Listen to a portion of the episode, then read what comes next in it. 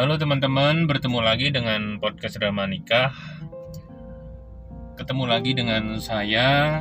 Uh, buat teman-teman yang di Spotify dan YouTube, jangan lupa subscribe YouTube kita, uh, follow Instagram juga, komen-komen, like boleh lah, biar podcast ini semakin berkembang. Oke, langsung saya akan cerita kali ini ya. Eh, mohon maaf, saya sedang di jalan ini ya, di mobil. Jadi kalau ada suara-suara yang masuk, suara-suara yang tidak diinginkan, mohon maaf. Oke, langsung aja. Ceritanya berjudul Menikah dengan Orang yang Tidak Tepat. Halo, namaku Erna. Ini adalah nama samaran. Saat ini aku tinggal di Jakarta dan sudah menikah. Aku akan bercerita tentang kisah hidupku yang cukup sedih. Aku terlahir di keluarga yang biasa saja. Bapakku kerja di pabrik sebagai karyawan, sementara ibuku merupakan ibu rumah tangga. Kadang kerja jika ada yang suruh setrika baju eh, orang-orang di sekitar rumah.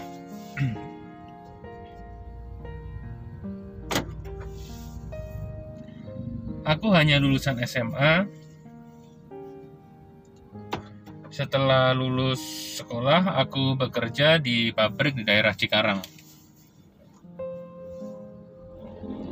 Aku pernah pacaran sekali, waktu itu merupakan teman satu kerjaan ketika kerja di PT. Sebut saja namanya Hari. Aku pacaran bersama dia berjalan satu tahun dan akhirnya putus. Waktu itu putusnya gara-gara dia belum siap diajak ke jenjang yang serius.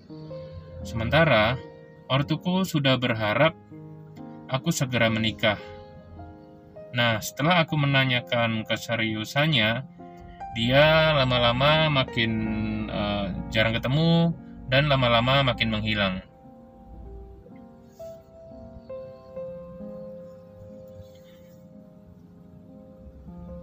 Nah, setelah putus uh, dengan pacarku yang tadi, aku lumayan lama menjomblo. Jujur saja, memang gak ada cowok yang deketin aku. Hingga ada satu cowok yang deketin, kita kenal lewat aplikasi lah. Uh, sebut saja namanya Aji. Dari awal, Aji ini sudah jujur ya. Kalau dia sebenarnya sudah beristri. Dan dia juga sempat uh, bertanya ke aku, kira-kira mau nggak sih berteman dengan dia yang sudah menikah.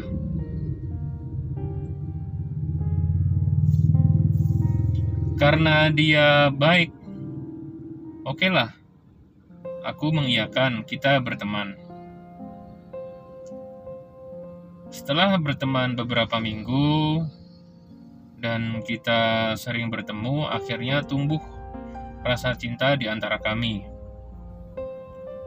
Kami menjalin hubungan sekitar enam bulan lebih. Nah, karena terbawa suasana, kadang aku mendesak dia untuk menikahi aku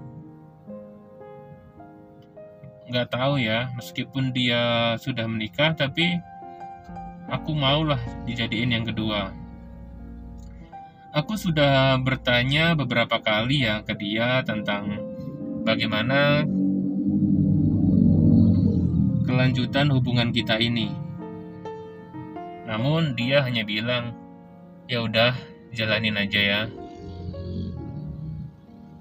Sebenarnya aku bertanya se uh, seperti ini sampai bosen ya. Karena jujur kita itu sudah kayak udah deket banget ya. Ibaratnya udah kayak pasangan suami istri.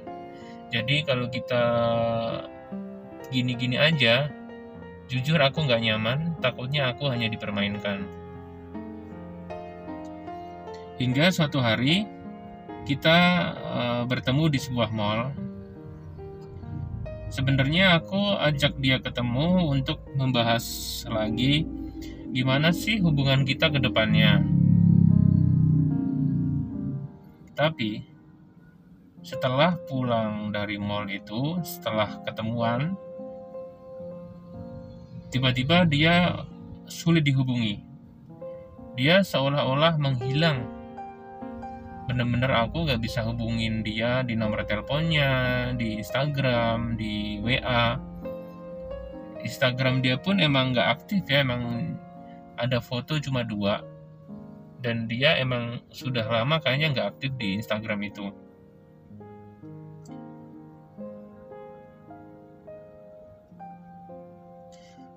Jujur aku sedih sekali ya sebenarnya. Walaupun dia sudah beristri, aku sudah sayang banget sama dia. Tapi setelah sayang, tiba-tiba dia pergi begitu saja.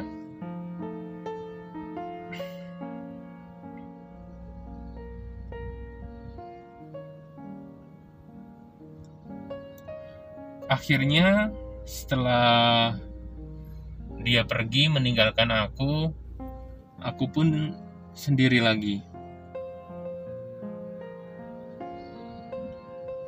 Ketika aku mengalami kebosanan, akhirnya aku mendapat kenalan cowok lagi. Sebut saja namanya Dedi. Dia masih bujang sebenarnya, tetapi lumayan berumur. Aku saat itu masih berumur 22 tahun, sedangkan dia 37 tahun. Jujur, awalnya aku nggak suka ya sama dia karena dia terlalu tua. Tetapi karena dia perhatian, tulus, dan mau berkorban, akhirnya aku pertama-tama mau jadi temannya. Oke lah, kita temenan dulu. Seiring berjalannya waktu, uh, kemudian dia baik, dia perhatian. Lama-lama aku mulai suka dengan Dedi. Kemudian kita menjalin pacaran selama enam bulan selama pacaran dia cukup baik dengan orang tuaku, dengan saudara-saudaraku. Ya, memang dia nggak terlalu kaya ya, tetapi paling enggak dia punya pekerjaan tetap, uh, walaupun gajinya nggak besar, tapi nggak apa-apa lah. E, kalau aku hidup sama dia yang penting bisa makan dan kalau rezeki kan bisa dicari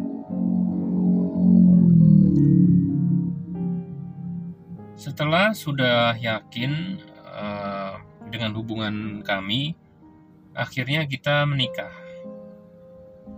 Intinya saya belum genap setahun lah e, pacaran sama dia.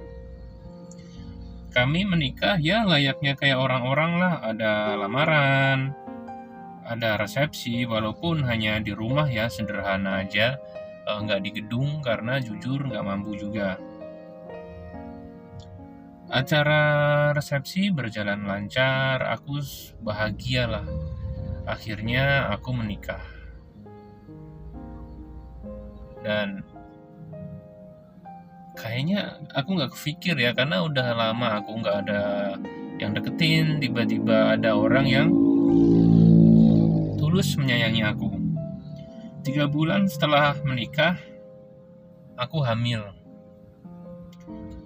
aku bahagia banget menunggu buah hati kami sembilan bulan lagi lahir ini anugerah banget ya. Uh, di bulan ketiga setelah menikah, aku langsung isi.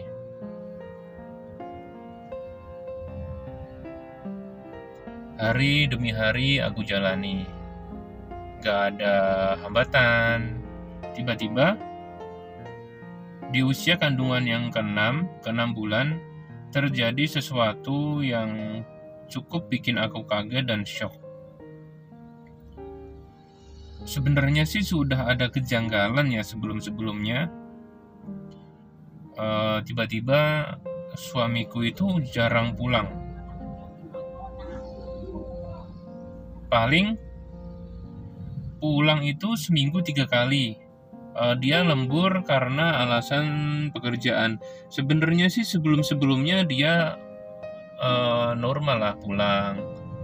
Mungkin ya kadang ya lembur tuh sekali aja seminggu. Tapi makin ke sini kok tiba-tiba jarang pulang. Kemudian jarang telepon jarang chat nah ketika aku tanya selalu jawabannya muter-muter jujur aku agak curiga ya dia ini sedang ada masalah sama kerjaannya atau dia ini sedang ada selingkuhan gitu di luar. Aku tuh jujur kepikiran sampai situ ya. Karena dia emang tiba-tiba sering gak pulang, gak seperti kayak dulu lagi. Tetapi itu aku pendam aja ya, aku gak nuduh yang gak-enggak ke dia. Hingga suatu hari ada kejadian uh, puncak lah ibaratnya. E, di mana dia itu kan mau beli makanan. Malam-malam lah mau beli makanan buat aku. Buat kita lah berdua. Tetapi tiba-tiba dia itu beli makanan yang harusnya kan bentar saja ya tiba-tiba dia nggak pulang padahal cuma beli makanan. Sampai dia tuh dua hari nggak pulang bikin aku was-was. Dan muncul lagi tuh kecurigaanku. Jangan jangan-jangan dia selingkuh sama orang sama cewek lain. Nah setelah dia pulang aku langsung bertanya ke dia. Aku desak. Kenapa kemarin tiba-tiba hilang? Padahal cuma cari makan kan? Dan di situ dia mengaku. Ini adalah kenyataan pahit yang aku terima di saat aku mengandung anakku yang usia 6 bulan. Benar-benar, aku nggak terfikir bisa menerima kenyataan ini. Dia bilang, sebenarnya dia itu sudah punya istri. Dia menikah sama aku tanpa sepengetahuan istri yang tua. Ya, aku jujur di sini kaget ya karena istri tuanya dan aku pun korban karena sama-sama ditipu. Dulu dia padahal mengaku bujang, kok malah bohong sama aku. Di situ aku marah besar. Kenapa dia bohong dari pacaran, menikah hingga kita punya anak? Itu yang bikin aku sedih bener-bener ditipu. Dia minta maaf beberapa kali, dan dia juga minta maaf karena kemarin ketika beli makan, tiba-tiba dipanggil istri tuanya, sehingga dia pulang ke rumah istri tuanya. Dan di sini aku juga baru tahu kenapa dia itu suamiku akhir-akhir ini jarang pulang ternyata istri tuanya itu baru-baru ini juga tahu kalau dia sudah nikah lagi. Makanya dia sering pulang ke rumah istrinya. Di situ aku sedih, marah, bingung mau ngapain lagi. Sembari melihat perutku yang mengandung anaknya. Kemudian aku tanya ke dia, "Kamu mau pilih aku atau atau istri tuanya?" Dan yang bikin paling sedih lagi, ternyata dia lebih memilih istri tuanya. Aku nggak tahu, mungkin dia udah sebenarnya aku nggak tahu dia punya anak berapa. Mungkin udah anak punya anak banyak satu atau eh, dua atau tiga. Jadi dia lebih memprioritaskan istri tuanya. Dan kayaknya emang harta-harta dia ya emang di sana. Dia nggak mungkin kalau dia milih aku dia pasti jatuh miskin nah saat ini aku lebih sering sendiri. Dia kadang pulang kadang tidak aku nggak peduli. Dia hanya kasih jatah bulanan ke aku 200 ribu per bulan. Maaf 600 ribu per bulan. Kadang kalau kurang aku minjem lah ke temanku. Sam sampai saat ini orang tuaku nggak pernah tahu tentang masalah rumah tanggaku. Aku hanya bisa simpan untuk diri sendiri karena jujur aku malu. Kurang lebih seperti itu kisahku, semoga jadi pelajaran untuk semua. Terima kasih.